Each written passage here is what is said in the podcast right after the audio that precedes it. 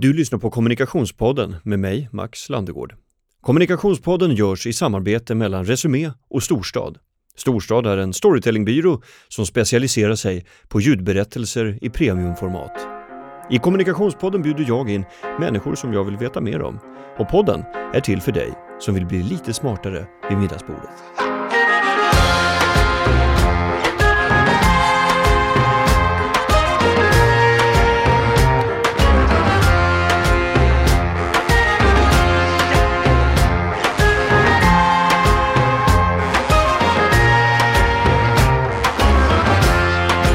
Anna-Karin Wyndham, doktor i pedagogiskt arbete, tidigare lärare eh, och även, eh, vi har ju sett dig som programledare för programmet Supernanny som gick i TV3 också. Välkommen till Kommunikationspodden. Tack.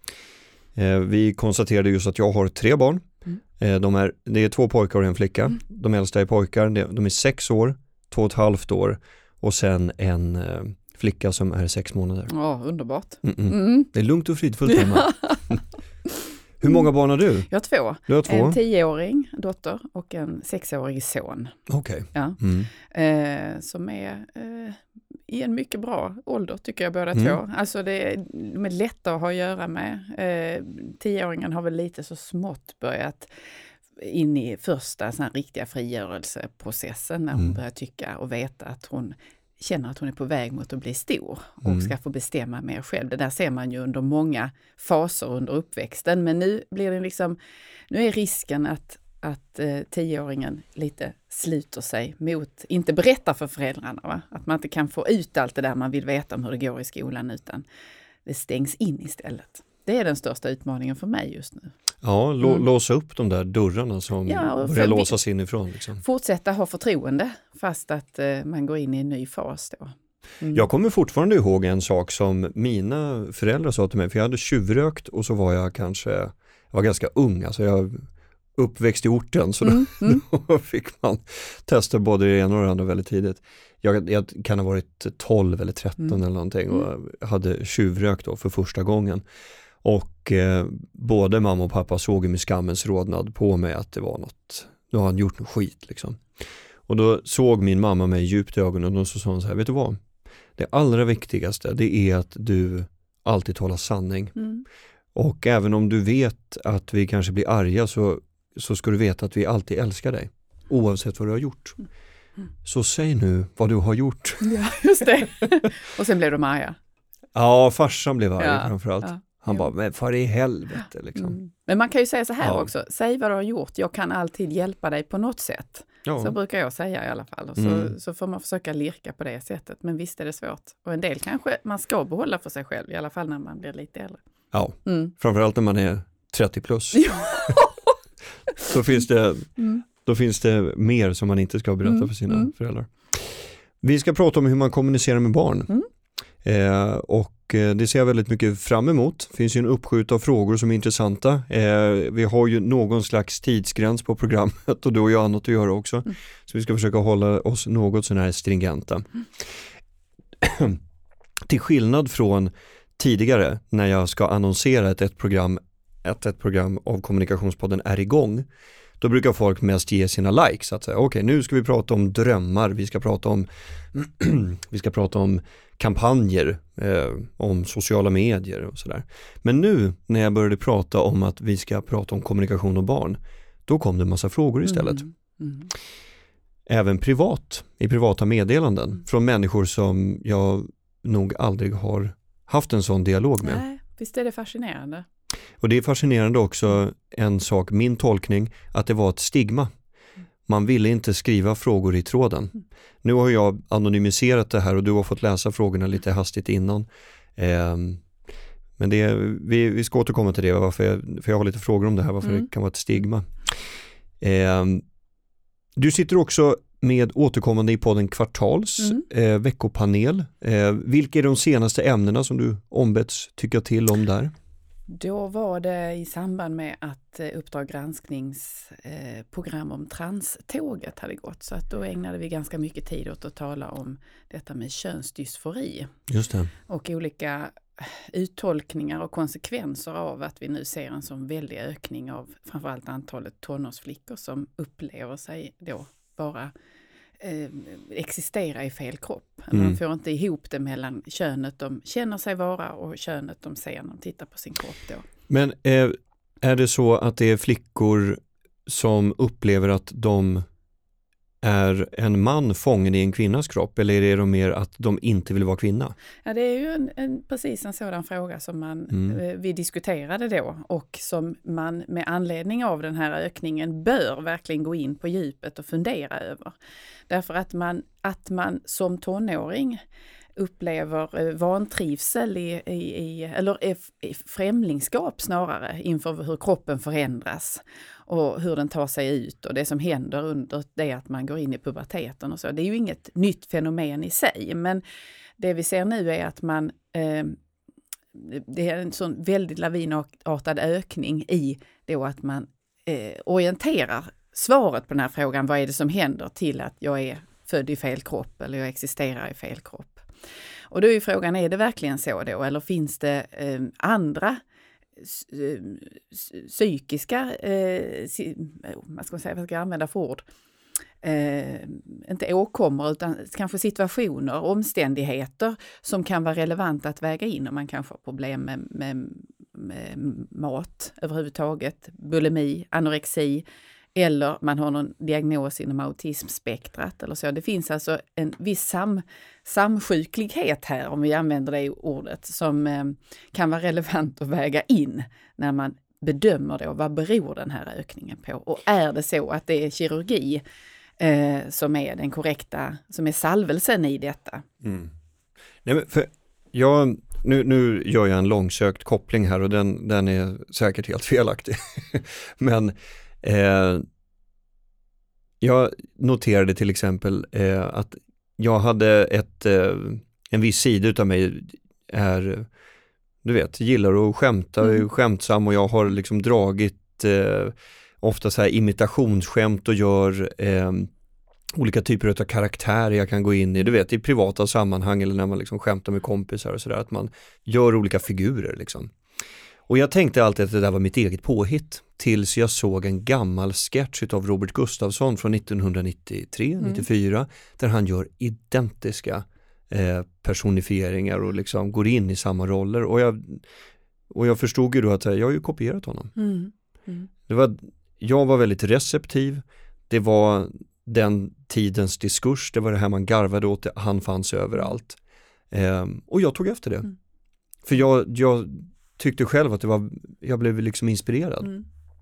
Och då tänker jag, eh, efter det här grottiga, grötiga resonemanget, att kan det vara så att vi har en diskurs idag där en, en förvirring som man känner identitetsmässigt, Mm. att, man, att man känner sig vilsen av lätt insedda skäl, man är inte fullt eh, utvecklad som människa än, utan det är ju hemfaller ju till ålder. Att det är diskursen som gör att man tar vägen till könet. Mm. Mm.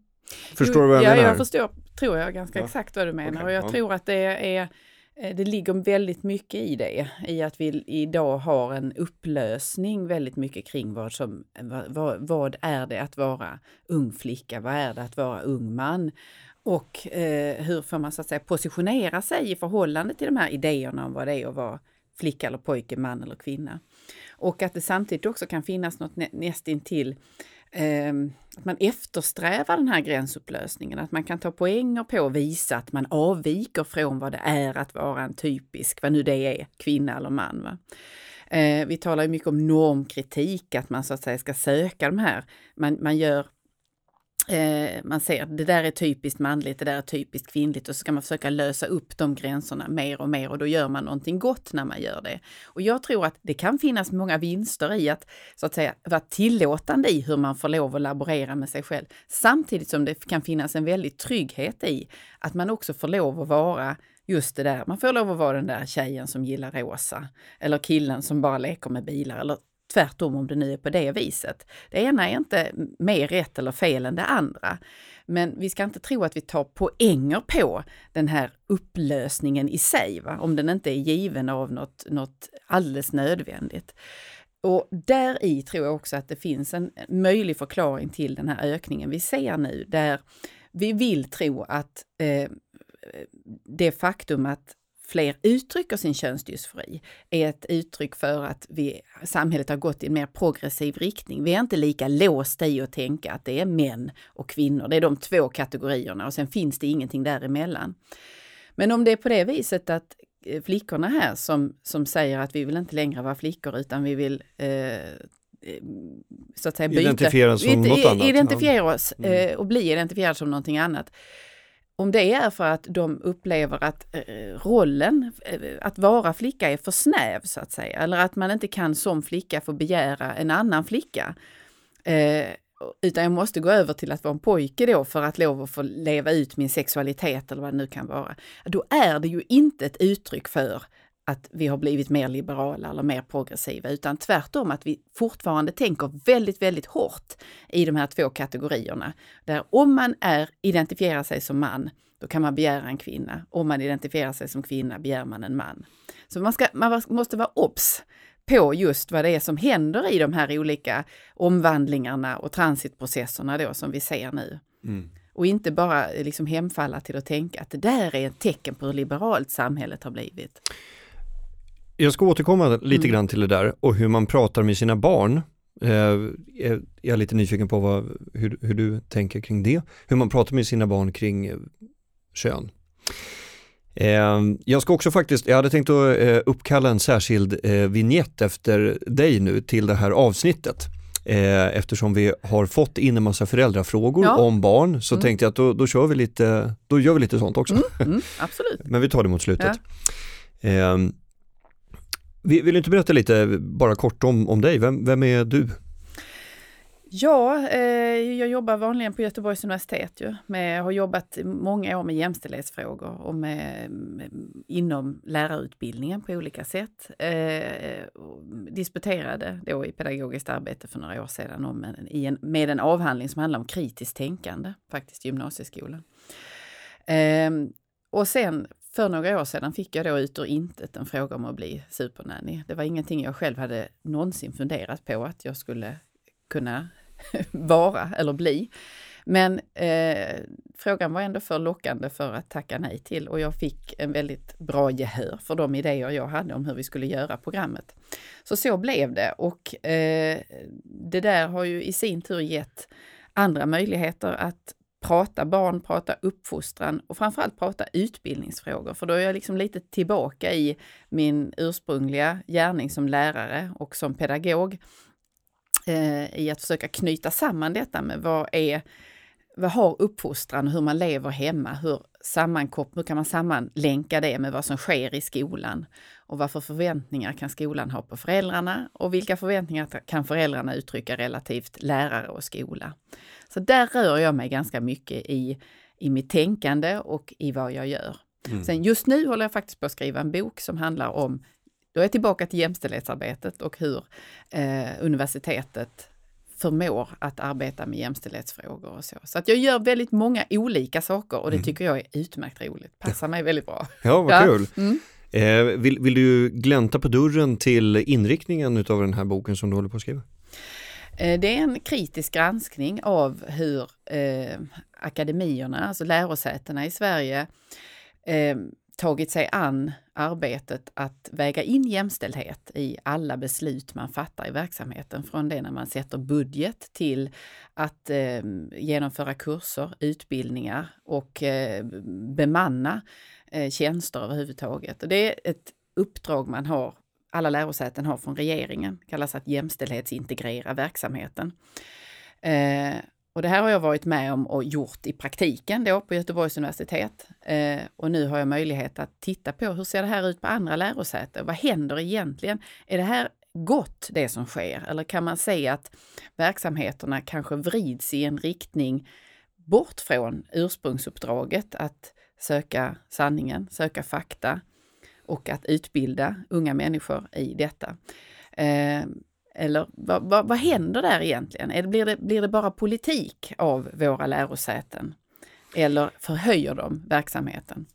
Är det här, eh, utgör den här frågan en liten satellit just för Sverige? Är vi väldigt ensamma om att ta tag i frågan på det här sättet? Eller är det signifikant för andra länder i västvärlden? Sverige eh, har nog, precis som i jämställdhetspolitik och så, gått längre än många andra. Också här i hur man genomför högskolepolitik eh, och vilka krav man ställer på högskolan. Eh, absolut. Eh, sen kan man se det här är liksom det är en rörelse med många olika trådar. Eh, det är inte en, en process det handlar om. Och man kan, det, det sammanhänger mycket som vi ser vid brittiska lärosäten mm. och också vid amerikanska Ivy League eh, universitet där man har mycket starka studentröster som opponerar mot en viss typ av kurslitteratur och så vidare. Så att det här hänger samman. Mm. Men det låter det, som att det kräver en hel bok. Det gör det ja. och den kommer. Den kommer. den kommer. Ja. Men det är väldigt spännande och jag är glad. Jag använder min, min, mitt forskarjag i detta och jag använder min tidigare erfarenhet från att ha arbetat just med jämställdhet fast mm. på ett nytt sätt. Mm. Spännande. Mm. Har du något namn? En, inte ännu. Inte än? Nej. När kommer den? Eh, förhoppningsvis alldeles i början av 2020. Okej. Okay. Ja. Mm. Mm. ja, får vi hålla utkik. Eh, åter till föräldraskapet. Mm. Borde det finnas körkort i föräldraskap som människor behöver ta ut innan de har rätt att få vårdnaden om sina barn? ja, alltså det skulle i så fall bygga på att det är staten som bestämmer vem som får lov att bli förälder och vem som är, är eh, betrodd att för, förvalta och förädla och handha sitt barn, sin avkomma. Och den modellen har man ju testat i vissa samhällen och inte, det har inte fallit så väl ut, så att säga. Detta med när man faktiskt tar barn ifrån mm. föräldrar. Sen så är det ju så att vi har ju kontrollinstanser ändå som ska fungera om det är så att det inte står rätt till eller man inte är skickad att klara ut detta av ett eller annat skäl. Men att säga att man på generell nivå, hur ska man utforma det körkortet i så fall? Det, liksom, det får en massa följdfrågor som blir omöjliga att besvara annat än att man ger fri lejd för någon slags väldig paternalism där staten kommer in och, och grottar ner sig i varje människas eh, sätt att, att sköta familjelivet. Jo, men, eh, som du sa, att det finns ju kontrollinstanser redan idag. Jag tänker på eh, barnavårdscentralerna mm. gör ju hembesök. Ja. Eh, vårt tredje barn, mm. eh, lilla Livan, hon är sex månader idag och när vi skulle på ett besök där för att kolla ja, alla oräkneliga grejer som man behöver kolla så sa eh, sköterskan där att nej men eh, vet du vad, jag kommer hem till er. Mm. Mm. Och vi, då var det så här, jaha, okej, okay, ja, gör så. Mm. Veckan därpå så var jag helsänkt i influensa och jag ligger i morgonrock, ser ut som huvudkaraktären i Big Lebowski och tittar på Netflix. Eh, Drack för... du White Russian också eller nej? nej. Ja, det hade ju varit härligt. Man ser ett sånt där litet dis utav cannabis och man bara tänker att okej, okay, ja. det här blir jättebra, jag, ring, jag, jag tar barnet med mig. Eh, nej men man, du vet, man ja. kände sig ju inte alls eh, representativ. Men eh, jag tänkte samtidigt att så här, det här är ju jättebra. Mm. Det är ju bra att det finns. Mm. Eh, men det är klart, alltså det skulle ju vara väldigt svårt. Jo, nej men det är väl du, pek ja, och du pekar ju lite på en strid mellan detta vad, som är, ligger liksom i eh, politisk avvägning egentligen, vad beroende på var man positionerar sig själv. Hur mycket tycker vi egentligen att staten ska vara inne och kontrollera hur just du gör med dina barn och hur mm. just du väljer att leva ditt privata liv kontra då att, att man ser statens som ingrepp som någon omsorg. Ja, Omsorgen det, om barnen. Det, det är det här är vi ju ser svårt. Ja. Mm. Liksom när och precis och vem är att ha tolkningsföreträde i frågan vad som är barnets bästa? Mm. Mm. Mm. Vad är barnets bästa ja. i sådana ja. fall? Är det, är, det, är det liksom att eh, bägge föräldrarna ska vara hemma samtidigt under två års tid sammanhållet? Mm. Eller kan man låta människor bedöma själva eller? Ja, det, där, det är ju en, det är ett trätoämne. Ja, det är det. Och det som inte har funnits sitt slut än. Ja, nej, och i Sverige har vi ju en tradition av att, att staten är ganska så klåfingrig, kan, nu är det ju mitt ordval då, i att vad, hur föräldrar ska göra och hur de ska välja och så, där vi då tycks gå mot en en, en allt större reglering av hur föräldraförsäkringen eh, exempelvis ska användas och fördelas föräldrarna emellan. Där jag nog kan tycka, jag som, menar, som gammal jämställdhetsarbetare då, eh, borde jag ju tycka att visst, dela den 50-50, men samtidigt, men jag är nog ändå i slutändan den som säger att låt föräldrarna bestämma detta själv, därför att det är mm. deras barn. Och ingen vet exakt hur ni har det hemma, mer än ni själva. Mm. Mm. Är, det, är det barnets bästa att man får bestämma själv? Ja, alltså jag, jag tänker så här att jag, min bild är att barn mår eh, bra av att få lov att vara hemma eh, de första året, åren, så länge det är möjligt med någon närstående. Om det då är mamman, pappan eller beroende på hur livssituationen ser ut. Det kan också vara en, en eh, från äldre generation som går in och tar hand om barnet och att man är i en ganska vad ska man säga, skyddad miljö. Man mm. behöver inte alls befinna sig i en grupp av, med 18 andra barn för att man behöver den stimulansen. Det behöver man inte när man är ett år och fyra månader. Då är den här hemmatillvaron alldeles till fyllest för barnet. Eh, tryggheten är viktigare. Men det här är ju mm. någonting som är väldigt obekvämt att tycka. Därför att det är mycket bättre och mycket lättare för föräldrar att höra att det är jättebra för barnen att vara på förskolan redan från då exakt ett års ålder. För de har det så bra där och de får så fin stimulans och så många kontaktytor och tränar sig på det mm. sociala och så vidare. Ja, alltså, alla som har hållit i ett litet barn och, och umgåtts med vederbörande under sam, lite över tid sådär, så det, då, då, vet man ju också att här, det, det räcker med att man byter från kök till vardagsrum för att det ska vara liksom en resa i sig. ja, exakt, exakt. Ja. Fylld av intryck mm, och mm. så så är det ju. Nej, så att jag är väl en förespråkare av att man ska försöka vara hemma så länge som möjligt och sen försöka göra upp det på ett vettigt sätt sinsemellan och ta höjd för att om det är en som är hemma längre än den andra, då kan man försöka reglera det sinsemellan så att det där tappet man gör mm. jobbmässigt kanske justeras genom någon slags transaktion eller överenskommelse parterna emellan, oberoende av om man är två män eller en man och en kvinna mm. som har ansvar för det här barnet. Ja men det där vet jag, jag har, jag, jag ska inte eh, säga vilka de är för de har ju inte godkänt att eh, bli omnämnda som exempel i den här podden men det är kompisar till familjen som är i min ålder som har eh, massa barn och eh, den ena föräldern har varit hemma i två år med det yngsta barnet mm. nu. Eh, men den föräldern kompenseras mm. genom att eh, den andra pytsar in pensionspengar mm. så för ett privat pensionssparande mm. för att det inte ska liksom dippa då längre fram. Det var ganska snillrikt ja, tycker jo. jag. Det, det, är ju liksom en... Ja, det är den modellen in... jag föreställer mig då, liksom, ja, att man kan göra. Mm. Precis, ja, som, som förutsätter att man har det ekonomiska utrymmet.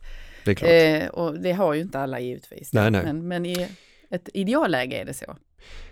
Eh, Supernanny, väldigt kortfattat, du får rätta mig om jag har fel, går ut på att du som sakkunnig expert besöker föräldrapar som har hört av sig till programmet och vill ha hjälp med barnsituationen. Mm. Ja, det, är, det, är så vi kan summera precis, det va? Ja. Ja. När du besökte de här olika föräldraparen, finns det några generella slutsatser du kan dra efter att ha besökt svenska familjer? Ja, jag tror att när man tittar tillbaka om några år på de här programmen så finns det en sak som går igenom egentligen i alla program. Och det är det här med bruket av skärmar eller eh, barnen och föräldrarnas benägenhet att eh, eh, få just bristande kommunikation till följd av att man sitter bakom sin telefon eller bakom en datorskärm eller iPad eller så. Att man gömmer sig där, tar inte de där konflikterna eller tar inte den diskussionen man behöver ta därför att det är så bekvämt när man då eh, såsar ner där med, i soffan med en telefon eller så. Och det, det gick nästan som en röd tråd genom alla mm. de här familjerna. Sen handlar de tematiskt om olika saker, men jag såg detta mönster hos samtliga familjer jag besökte. Och det, det behöver man ju bara, kan man ju gå ut på ICA och så ser man sig omkring och så ser man att det sitter en massa barn i kundvagnar som blir kringkörda med en telefon i näven för att det är så otroligt trist att gå med mamma eller pappa och handla då. Mm. Och där har man, det är samma fenomen där, eller gå på en restaurang och se att barnen är försjunkna bakom en, en skärm istället för att delta i det man gör när man är på en restaurang. Detta är tidens tecken och jag är mycket kritisk till det. Hur, hur gjorde man förr då? Ja, man kanske inte... Man gick in i fighten? På ja. restaurang. Ja, men tänk den situationen mm. som alla småbarnsföräldrar eh, som har rört sig utanför sitt eget boende kan känna igen sig i. situation. Man sitter på en restaurang och så har man som förälder föreställt sig att det ska gå bra. Så Mm. då, då har man det dåliga omdömet att välja en lite dyrare restaurang Mm. med vita dukar och alltihopa. Och knappt har man kommit till att beställa förrätten förrän eh, treåringen börjar skrika och är uttråkad och börjar åla som en pytonorm runt bordsben och Mm. alltihopa. Och skriker och gormar och, och så. Mm. Då ligger det ju nära till hands. att hålla fram mobilen. Skärmen åker fram och Ja. där, där har du liksom bilar och eh, babblar och allt vad det heter. Ja. Ja, men då är väl mitt råd att man istället tänker så här att för hur lång tid kan en treåring förväntas klara av på en restaurang? Och då skulle jag säga att det kanske handlar om strax under en timme. Så att då kanske man får välja en restaurang där man kan äta en rätt istället, om man klarar ut det och eh, har preppat ungen lite innan.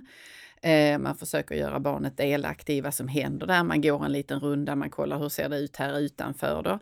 Eh, man inser som förälder att det här eh, är inte bara tid för rekreation för mig, utan min, mitt jobb här är också att träna barnet i att fungera i en social situation. Eh, och där tror jag att många föräldrar idag tänker att ah, men alltså, det här är ju vilotid för mig. Och därför tar, är det okej då att vi sitter här en hel kväll och vi tar fram skärmen eller paddan till de olika barnen vi har med oss och så kan vi vuxna eh, dricka lite vin och prata. Jag förstår behovet, det är inte det. Men man ska inte tappa alla de här vardagliga situationerna som faktiskt är vettig social träning för barnet.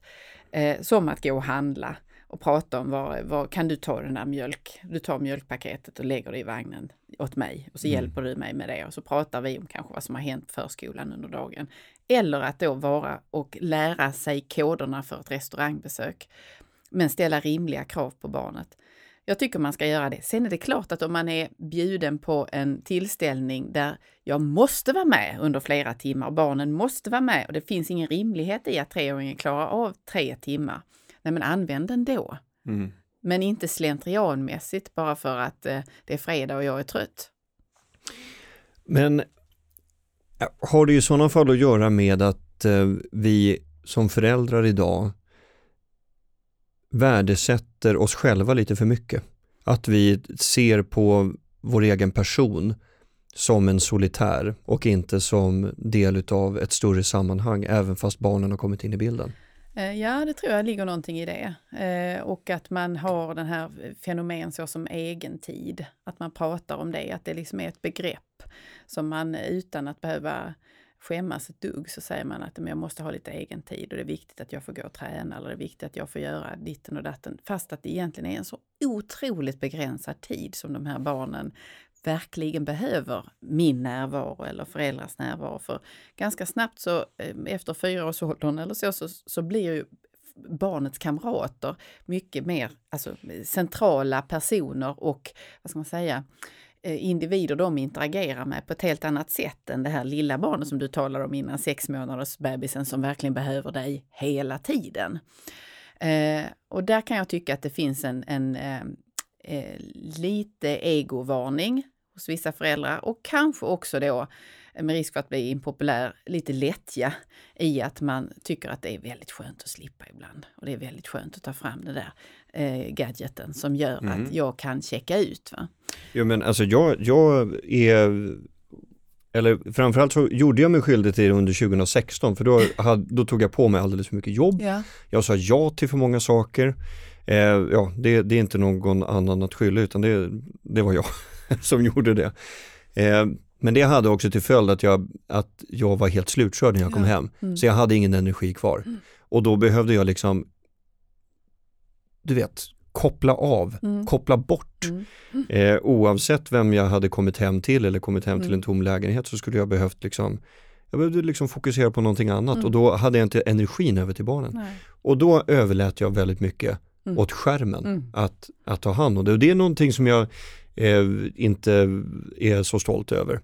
Nej. Så är det efterhand, utan det, det hade jag ju, hade jag kunnat eh, se saker och ting i lite längre perspektiv så hade jag nog inte betett mig på det sättet. Men det, jag, jag tror att det, det är väl där som jag har mina tankar, för jag, vi ska återkomma till Mm. de frågor som föräldrarna ställer också till, till dig. Ehm, en, en återkommande tanke som far upp i mitt huvud, och då speglar jag kanske för mycket mig själv i dem när de ställer sina frågor, men det är att man liksom vill fortsätta trots att barnen har gjort inträde och, och, och Mm. livets eh, villkor har förändrats väldigt mycket. Så um, vill man fortsätta vara den man var Mm. innan barnen Mm. kom. Och det är där konflikten uppstår. Precis, jo. Och sen tror jag att man ska inte heller underskatta sociala mediers eh, störande effekt här på att uppvisa ett liv som kanske egentligen, alltså ett, ett perfekt liv eller ett, eh, en tillvaro som där man då är den som fortsätter med träningen precis på, med samma intensitet som förut. Och där man gör alla de här sociala grejerna som är, ger väldigt fina bilder eh, och man kan, man kan liksom demonstrera sitt liv eh, och få likes för det och så vidare. Men, Då är det tur att det finns Photoshop. Ja. Kan du jobba med lager istället utan att Ja. behöva lämna garderoben. Nej, nej precis. Men, men det, jag tänker att, att det, det finns mycket i detta som adderar på för, föräldrar i, av idags börda eller eh, föreställning om att man måste visa upp saker och ting som kanske inte alls är nödvändiga då. Eh, och där man ska vara en, en, bilden av den perfekta föräldern då har blivit liksom något helt annat än vad som egentligen är rimligt att förvänta sig. Det, den, den, den goda föräldern är där. Talar med barnet, lyssnar med barnet, ser till så att barnet inte eh, konstant gör bort sig i alla sociala sammanhang. Det är verkligen elakt att låta barnet, som du beskrev innan där med att ligga och eh, spralla runt på golvet och, och bryta brödet i tusen bitar och sen så göra någon slags fontän med det eller något sånt där. Då, Du, det ver- låter som att du också har varit där. Ja, jo, jag har betraktat detta på många olika sätt och jag, Ja. naturligtvis har jag barn själv som gör Mm. sådana saker ibland. Men min poäng är Ja. att eh, eftergivenheten där, att då vara den som bara låter barnet vara barn där, det är inte, det är liksom en falsk snällhet. Den, den, goda föräldern, om det nu finns någon sådan, är den som försöker få barnet att förstå vad, vad gör man i en sån här situation? Mm. Vad är okej och vad är inte? Inom rimlighetens gränser då med hänsyn taget till vilken ålder barnet är. Mm. Men att lära sig att läsa av de här koderna. Mm. Precis.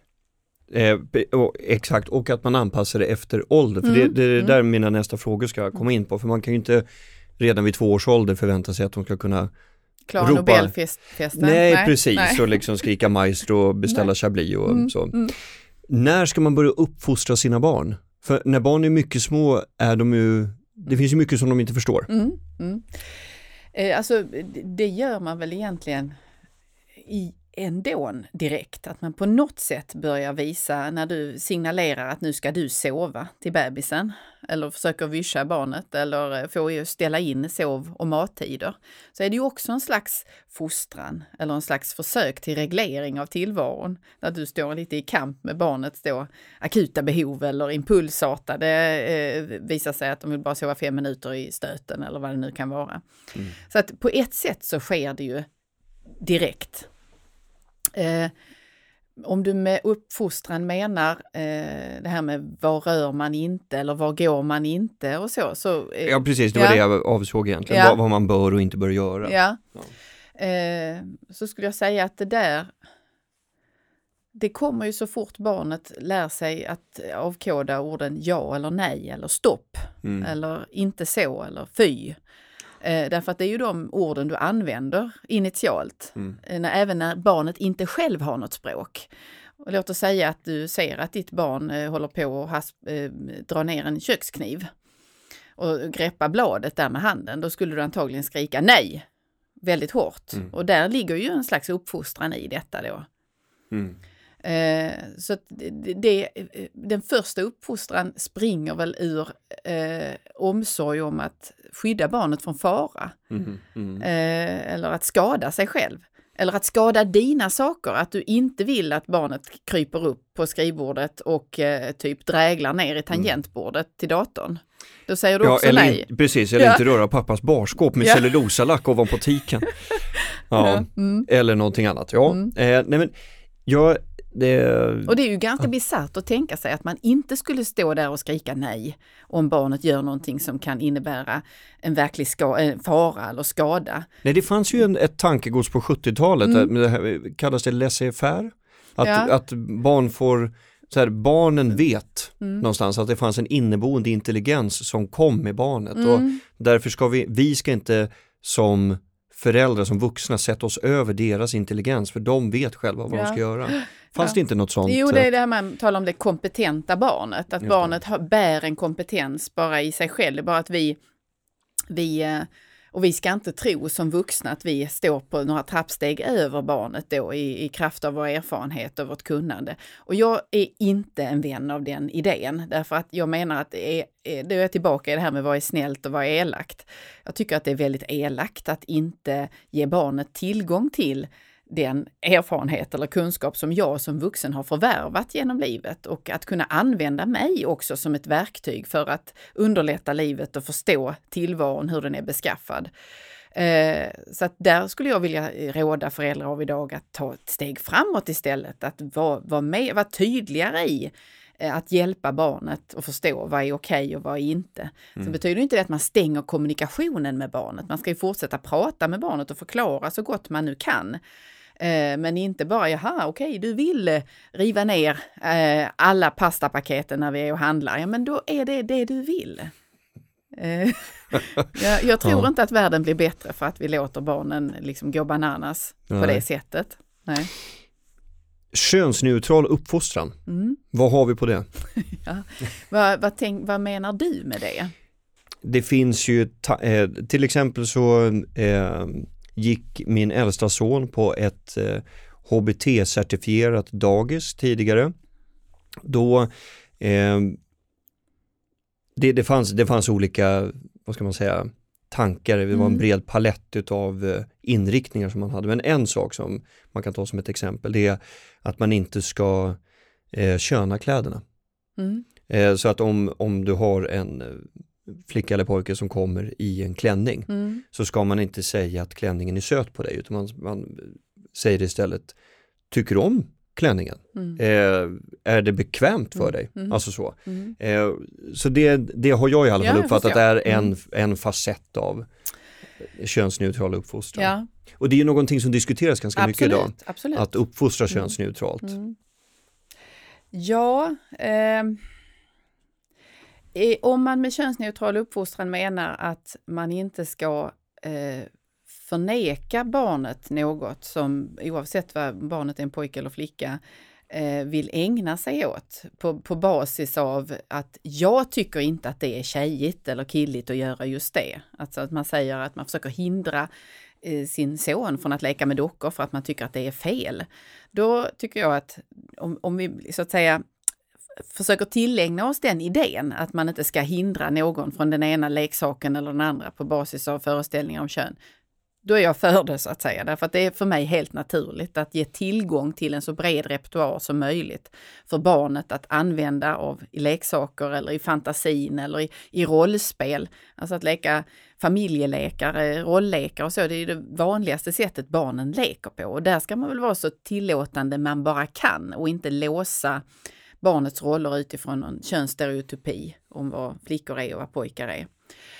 Eh, men om man med det menar att, nu ska vi se om jag hittar tillbaka till det du sa här. Eh, jag är dock kritisk till om man i en iver att könsneutralisera allting säger att på den här förskolan så har vi tagit bort en massa leksaker därför att det inte ska finnas sånt som är typiskt tjejigt, typiskt killigt. Och vi försöker aktivt styra flickorna bort från det vi tidigare kallade dockvrån. Därför att om de håller sig i dockvrån så är det så himla könsstereotypt och vi jobbar ju könsneutralt. Och vi försöker aktivt styra pojkarna bort från att bara brumbrumma med bilarna och, och leka brandmän och poliser eller snickra och sådär.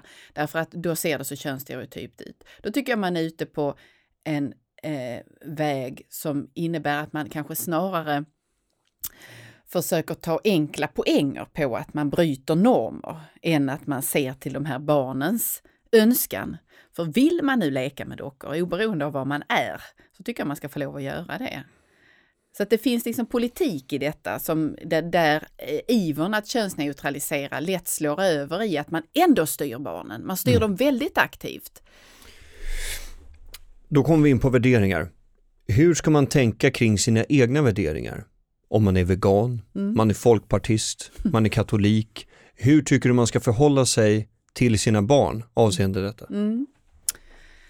Vad gäller, det är ju allt, allt det du nämner där är ju liksom, kokar ju ner till olika slags politiska idéer ändå om hur, hur världen är beskaffad och hur den bör vara beskaffad. Och jag tänker att hur, ä, även utan att jag talar om vilket parti jag röstade på i senaste riksdagsvalet så kommer ju mina barn att se och avkoda mina värderingar innan jag talar, vi talar om ett fenomen eller någonting som har inträffat och jag säger att det där gör mig arg eller mm. det där mm. tycker jag inte om. Nej, det tycker jag inte att vi ska ha en sån där väg där borta eller att nu köper vi ekologiskt eller mm. vad det man nu gör för val i vardagen. Mm. Två karensdagar. Ja, ja. ja, men allt detta är ju små ja. indikationer på var du står värderingsmässigt och de tar barnen eh, in och lagrar. En del förstår de, en del förstår de inte alls. Jag tycker inte att man har så mycket att, att vinna på att göra någon väldig eh, poäng av att man pläderar för ett visst, man säger att det där, nu, nu ser vi en viss politiker på tv, usch och fy, vad, henne tycker jag inte, honom tycker jag inte om eller vad det nu är. Eh, utan man försöker kanske snarare tala om att det här är nu en partiledardebatt. Mm. Och det är det för att det är riksdagsval, vad innebär det? Och eh, här kan man tycka si och man kan tycka så. Att så att säga introducera barnet när de väl har börjat skolan till vad det är för ett slags samhälle vi lever i. Eh, och förklara det och sen så kommer dina värderingar att avslöjas alldeles oavsett vad du gör egentligen. Och sen den knäckfrågan där med vegansk, om man är vegan eller inte. Ja, men vi hade ju den här ja. för inte så länge sedan ett par mm. i Sverige mm. vars barn var kraftigt mm. undernärt. Ja, För de, mm. men de var ju fundamentalister på något sätt. Jag Exakt. Jag, jag, tror, och jag tror inte man ska dra någon likhetstecken där Till andra veganer, nej, nej, men, inte, nej. men äh, all slags, alltså att man går för djupt in i någon övertygelse så att man inte längre ser barnets behov eller eh, eh, man låter, det blir nästan någon slags sekterism av det. Eh, är, det är farligt. Mm. Ja, mm. håller med. Mm. Eh, om vi bara vidrör kort, för snart kommer vi till Anna-Karin svarar på föräldrafrågor. Eh, men jag har en egen fråga själv snart. Eller jag har en egen fråga själv först. Mm. Det här med könsdysfori. Mm. Unga, dina, säger, inte dina men liksom, vi tänker generellt nu. Barnen kommer och vill byta kön, hur ska man som förälder tänka där? Ja, det beror först på vilken ålder barnet är i och vi, vi talade tidigare om det här med könsneutral upp, eh, uppfostran och så vidare. Att om man inte är rigid eh, i vad som är tillåtet att ta på sig eller inte eh, och har så att säga varit generös i att, med, med att klä ut sig eller leka med roller så tänker jag att där finns ju ett ganska brett spektra i hur man kan välja att iscensätta sig själv, om jag använder ett sånt ord då, som ung vuxen. Vi, låter, vi mm. tänker oss att detta handlar om en 11, 12, 13-åring eller någonting sånt. Om denna min dotter, om vi säger att det är då en flicka, vill eh, undvika alla slags feminina attribut och gå till skolan eh, så att det ser ut som om hon är en han. Mm. Gör det då jag kan, jag kan inte tycka att det är så att säga, det, där har jag ingen stark åsikt. Eh, utan det är för mig bara olika eh, det är helt naturligt att man leker med sitt yttre och att man leker med sin identitet. Det är en del i den frigörelseprocess som tonåren innebär. Och det, jag tycker att man som förälder idag ska vara försiktig med att tänka eh, eller att reagera för säga, följd, eh, att följa det om barnet kommer hem, tonåringen kommer hem och säger att nu, nu vill jag vara en han istället. Eh, så kanske man skulle kunna vara lite försiktig om att tänka att här kanske någon har snappat upp en jargong. eller eh, läst om någonting och tänkt att det där är ju jag också. Så att inte, inte förbjuda uttrycken som sådan i vad man iscensätter, hur man iscensätter sig eller hur man ikläder sig i olika roller. Men var försiktig med att... Eh, Ta fram sekatören på ja, en gång. Ja, ja, ja, precis. Jag förstår. Mm. Nu har vi kommit till föräldrafrågorna. Mm. Eh, Anna-Karin Wyndhamn svarar. Fråga nummer ett, det, alla vill förresten vara anonyma. Jaha, ja. Inte det intressant? Jo, det är det. Jag, jag har tänkt mycket på det när jag har svarat på frågor på det här sättet i andra sammanhang och i synnerhet då programmen gick på tv. Att det var, jag har varit med i massa chattsammanhang och sådär. Mm. Och det är aldrig svårt att få föräldrar att ställa frågor. Däremot om man då ska vara öppen och ringa in eller mm. något liknande, då kan det bli tyst. Och det tror jag det ligger någonting i att, att gå fram själv och säga att jag är förälder, jag är förälder och mm. jag har det här problemet med med mitt barn. Alltså ja. jag har en brist. Exakt. Hjälp mig med den. Mm. Hej, jag är en bristfällig människa och mm. behöver hjälp. Ja, mm. ja det, det är återkommande tema i den här podden faktiskt. Att, att prata om så här, hur vågar man berätta att man är en bristfällig människa ja. generellt. Ja. Nåväl, en mamma mm. skriver så här, jag och min man har en fyraåring. Jag vill inte säga ifrån så ofta för min son är så gullig. Grattis till det, tänker jag. Ju oh. roliga, fila barn gör ju ingen glad. Nej, precis, Nej. jag menar det va. Ja, exakt. Eh, min man bråkar däremot ofta på honom och de blir osams. Kommer min son bli en bortskämd liten gris? Eh, det, det, det, första problemet här är att de får en delning mellan föräldrarna där den ena är den, den straffande eller tillsägande föräldern och den andra är skojföräldern då, som där allting går, där man alltid får sin vilja igenom.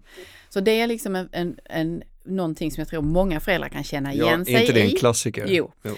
Eh, och det är väldigt skulle jag säga, oschysst av mamman här att inte säga till och låta pappan ta stöten. Därför att då skaver ju barnet och pappan mer och mer på varandra hela tiden. Så att det, det bästa läget är ju att man har någon slags i grunden samsyn kring vad är liksom okej okay och vad är inte okej. Okay. Eh, så ja, jag vet inte om barnet blir en bortskämd gris till följd av detta. Det, kan, det är mycket som kan hända på vägen, men shapea upp, mamman ska shapea upp sig lite där. Ja. Och, eh, eh, inte, ha ett snack med pappan där. Ja, inte låta mm. honom ta hela den här tillsägarstöten tycker jag, därför mm. att det, det, är inte en schysst deal dem emellan. Nej. Mm. Nästa fråga. Pling. Eh, jag har en fråga från eh, Sofia. Hon har en dotter som är två och ett halvt citat, hon har ett jäkla humör som pendlar hejvilt. Hon är mitt inne i en självständighetsfas, tror jag. Hon testar gränser till tusen och sätter mammas tålamod på prov rejält. Jag funderar på hur tusan jag ska agera. Jag hamnar nämligen till slut skrämmande ofta på hennes nivå. Alltså jag tar fighten, jag blir arg, jag kastar själv saker omkring mig, jag smäller i dörrar. Och det är så jäkla osmart. Det är omoget och det är dumt. Jag förstår ju det själv, men bara då efteråt. Vi är ofta osams just nu och det går på två sekunder från solsken till skratt till från solsken och skratt till illvrål och gråt och efteråt när jag skäms så är jag alltid väldigt pedagogisk istället och förklarar varför mamma blev arg. Jag förstår varför varför barnet blev arg och att man får bli arg men att det är tråkigt när vi blir ovänner. Mm. Mm. Också klassiskt. Mm. Hur gammalt var barnet? Åtta? Nej, två och ett halvt. Två och ett halvt bara? Mm, Oj då. det är ju roligare att vi är glada och att vi ska vara sams och så vidare. Sen blir vi sams, vi uttalar att vi blir det och hon säger att nu är hon glad och jag säger att nu är jag glad och så kramas vi och är allt frid och fröjd i två minuter och sen blir det bråk igen. Okej, okay, då tror jag här, förlåt var du färdig? Ja, ja. ja, hon, men där, där har vi det. Ja. Jag tror att mammas beteende är helt obegripligt för den här två och ett halvt-åringen. Eh, det finns ingen given koppling mellan skrik och bråkfasen och eh, förlåt mig, jag förklarar pedagogiskt vad det var som hände förut. Den kopplingen tror jag inte barnet ser här, utan det är mer som att jag har två olika mammor, en snäll som pratar lugnt och fint och sen har jag en som skriker. Och jag tror också att barnet förstår det här som att när vi när mamman svarar med skrik, ja då är det det vi gör. Så att då, då blir det liksom någon slags acceleration i det, eller upptrappning. Den ena skriker, om, om mamma visar att hon skriker också, ja men då är det ju det vi gör. och så skriker barnet mer. Så de har kommit in i ett spel där det här är så de interagerar med varandra. Och guess what, vem måste ändra sig först? Givetvis föräldern då eftersom det är den, den vuxna parten här. Eh, sen lite det här med självständighetsfas som eh, mamman spekulerar i om det kan vara frågan om. Jo, det är det väl på ett sätt. Jag tycker det är lite för stort ord att tala om på en två och ett halvt år, en självständighet. Däremot handlar det nog om att barnet eh, identifierar väldigt tydligt att jag bestämmer inte allting här, tydligen. Det är tydligen så att det finns vissa saker jag inte får lov att göra, som jag vill göra och då svarar jag med att skrika eh, för att få min vilja igenom. Så att det, det där tror jag konfliktens kärna ligger i att barnet är mm, mm, varse att makten ligger inte bara hos mig och så har de en, en, en beef däremellan som rör då varje liten grej där mamman måste säga nej eller gå inte dit eller gör inte det.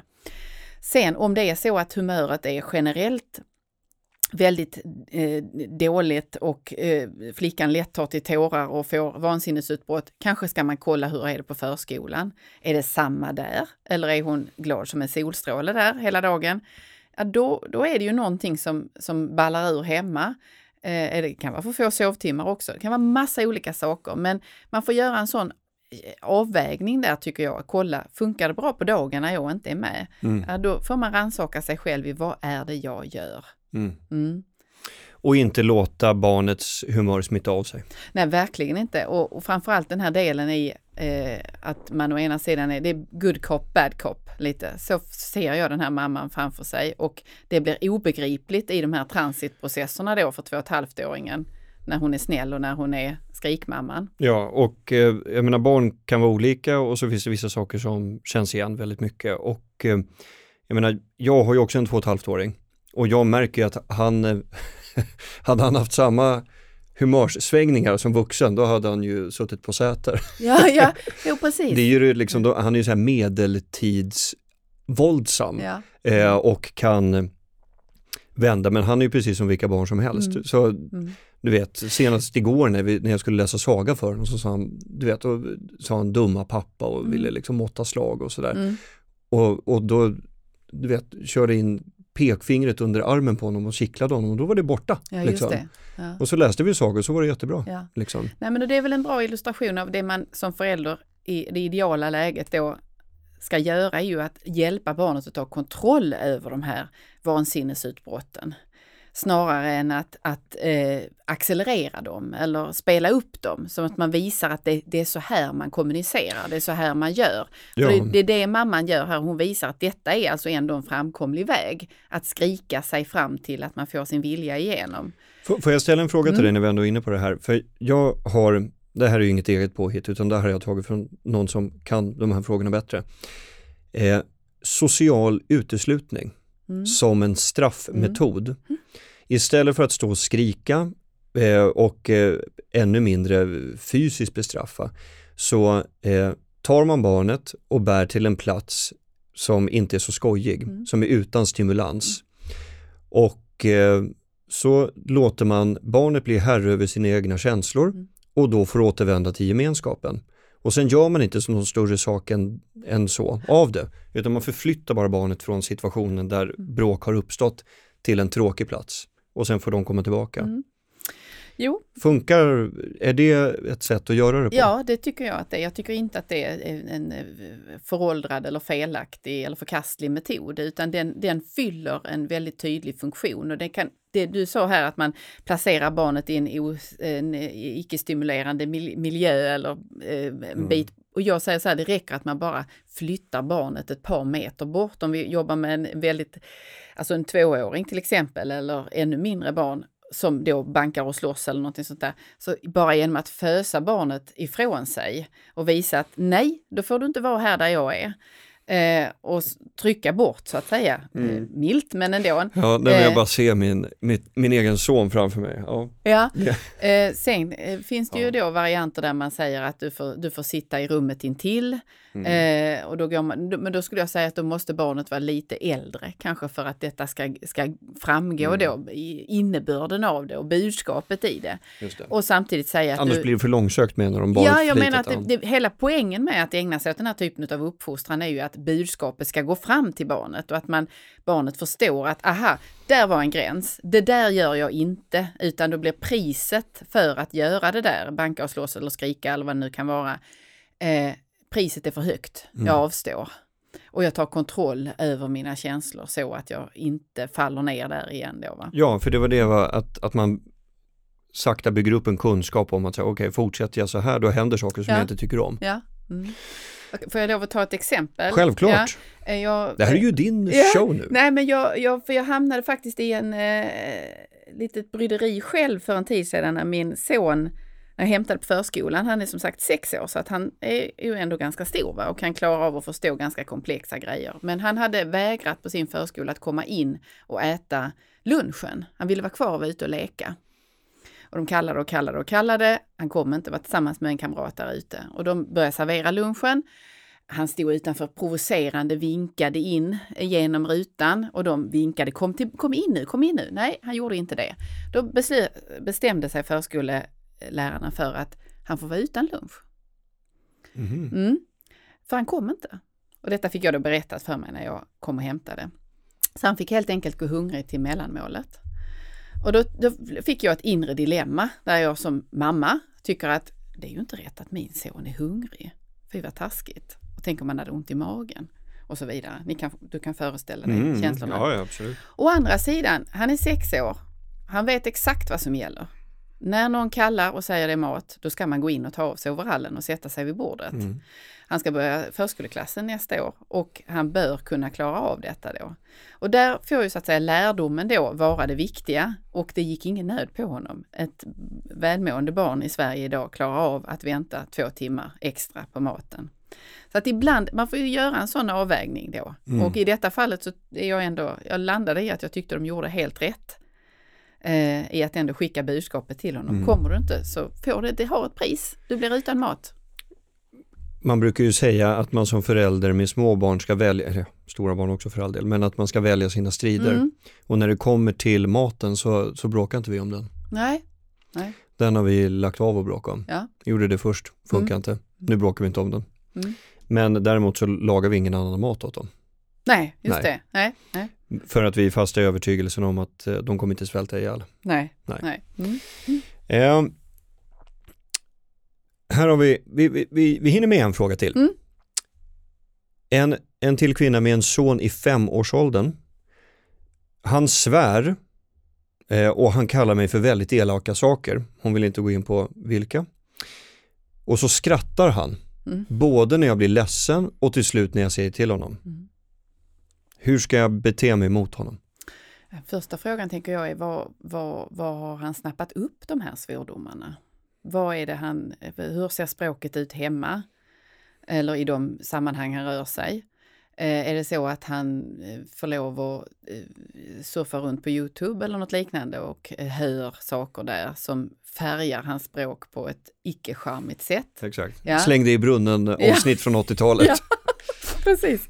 Eh, och, det, och, och, och, så att jag skulle råda föräldrarna att ta en sån, göra en sån scanning på det egna språket och på vad man ger barnet tillgång till.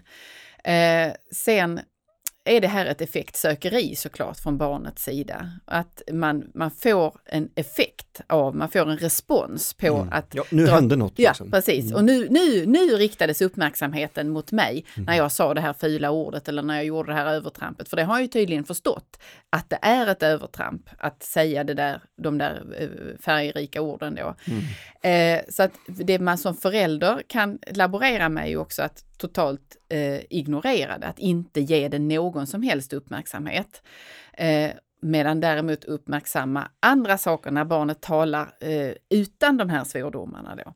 Så att, så att säga uppmärksamma mm. det goda och tona ner det, det onda här istället. Just det. Mm. Jag menar så gör ett litet schema över så här, när visar jag uppmärksamhet för honom? Ja. Och när är jag aktiv i kommunikationen med Exakt. femåringen? Ja. ja.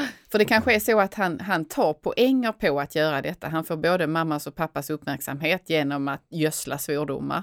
Och då, då bör de växla om där mm. helt. Mm. För det där hörde jag en barnpsykolog som sa eh, i en annan podd mm. som, jag, som jag lyssnade på.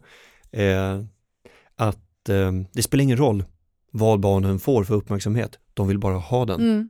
Ja. Och om det då innebär att föräldern är arg eller föräldern är glad eller att de gör någonting tillsammans, det är liksom mm. Det är oaktat, självklart ja. så är det ju såklart, barnen mår ju bäst av att få positiv mm. uppmärksamhet men de vill bara ha den. Ja, precis. Och då skyr de inga medel för att få den här. Nej, nej och det är barn som ger ifrån sig extremt höga skrik, skriker långt och ihållande, alltså när de egentligen har passerat den fasen mm. när man gör på det sättet.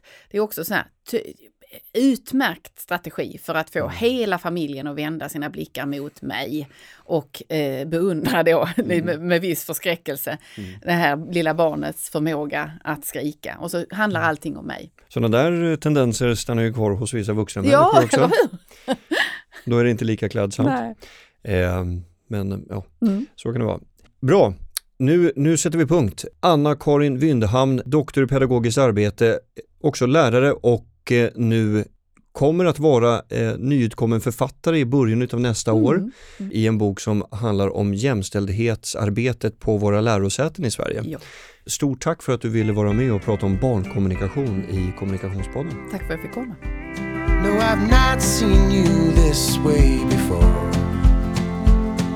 Standing a mess at my door Well, it so long, but you finally found you're no one till someone lets you down. You believe that all people were kind, and that you'd never mess with your mind. You gave her your trust, and she busted your crown. You're no one till someone lets you down. I've been told that some people grow old without losing a part of their soul. But if that is true, I don't wish it on you. There's so much to adore in a heart that is blue. There's a light in your eyes that is pure, that you won't give away anymore. Just think of the things we can talk about now. You're no one till someone lets you down.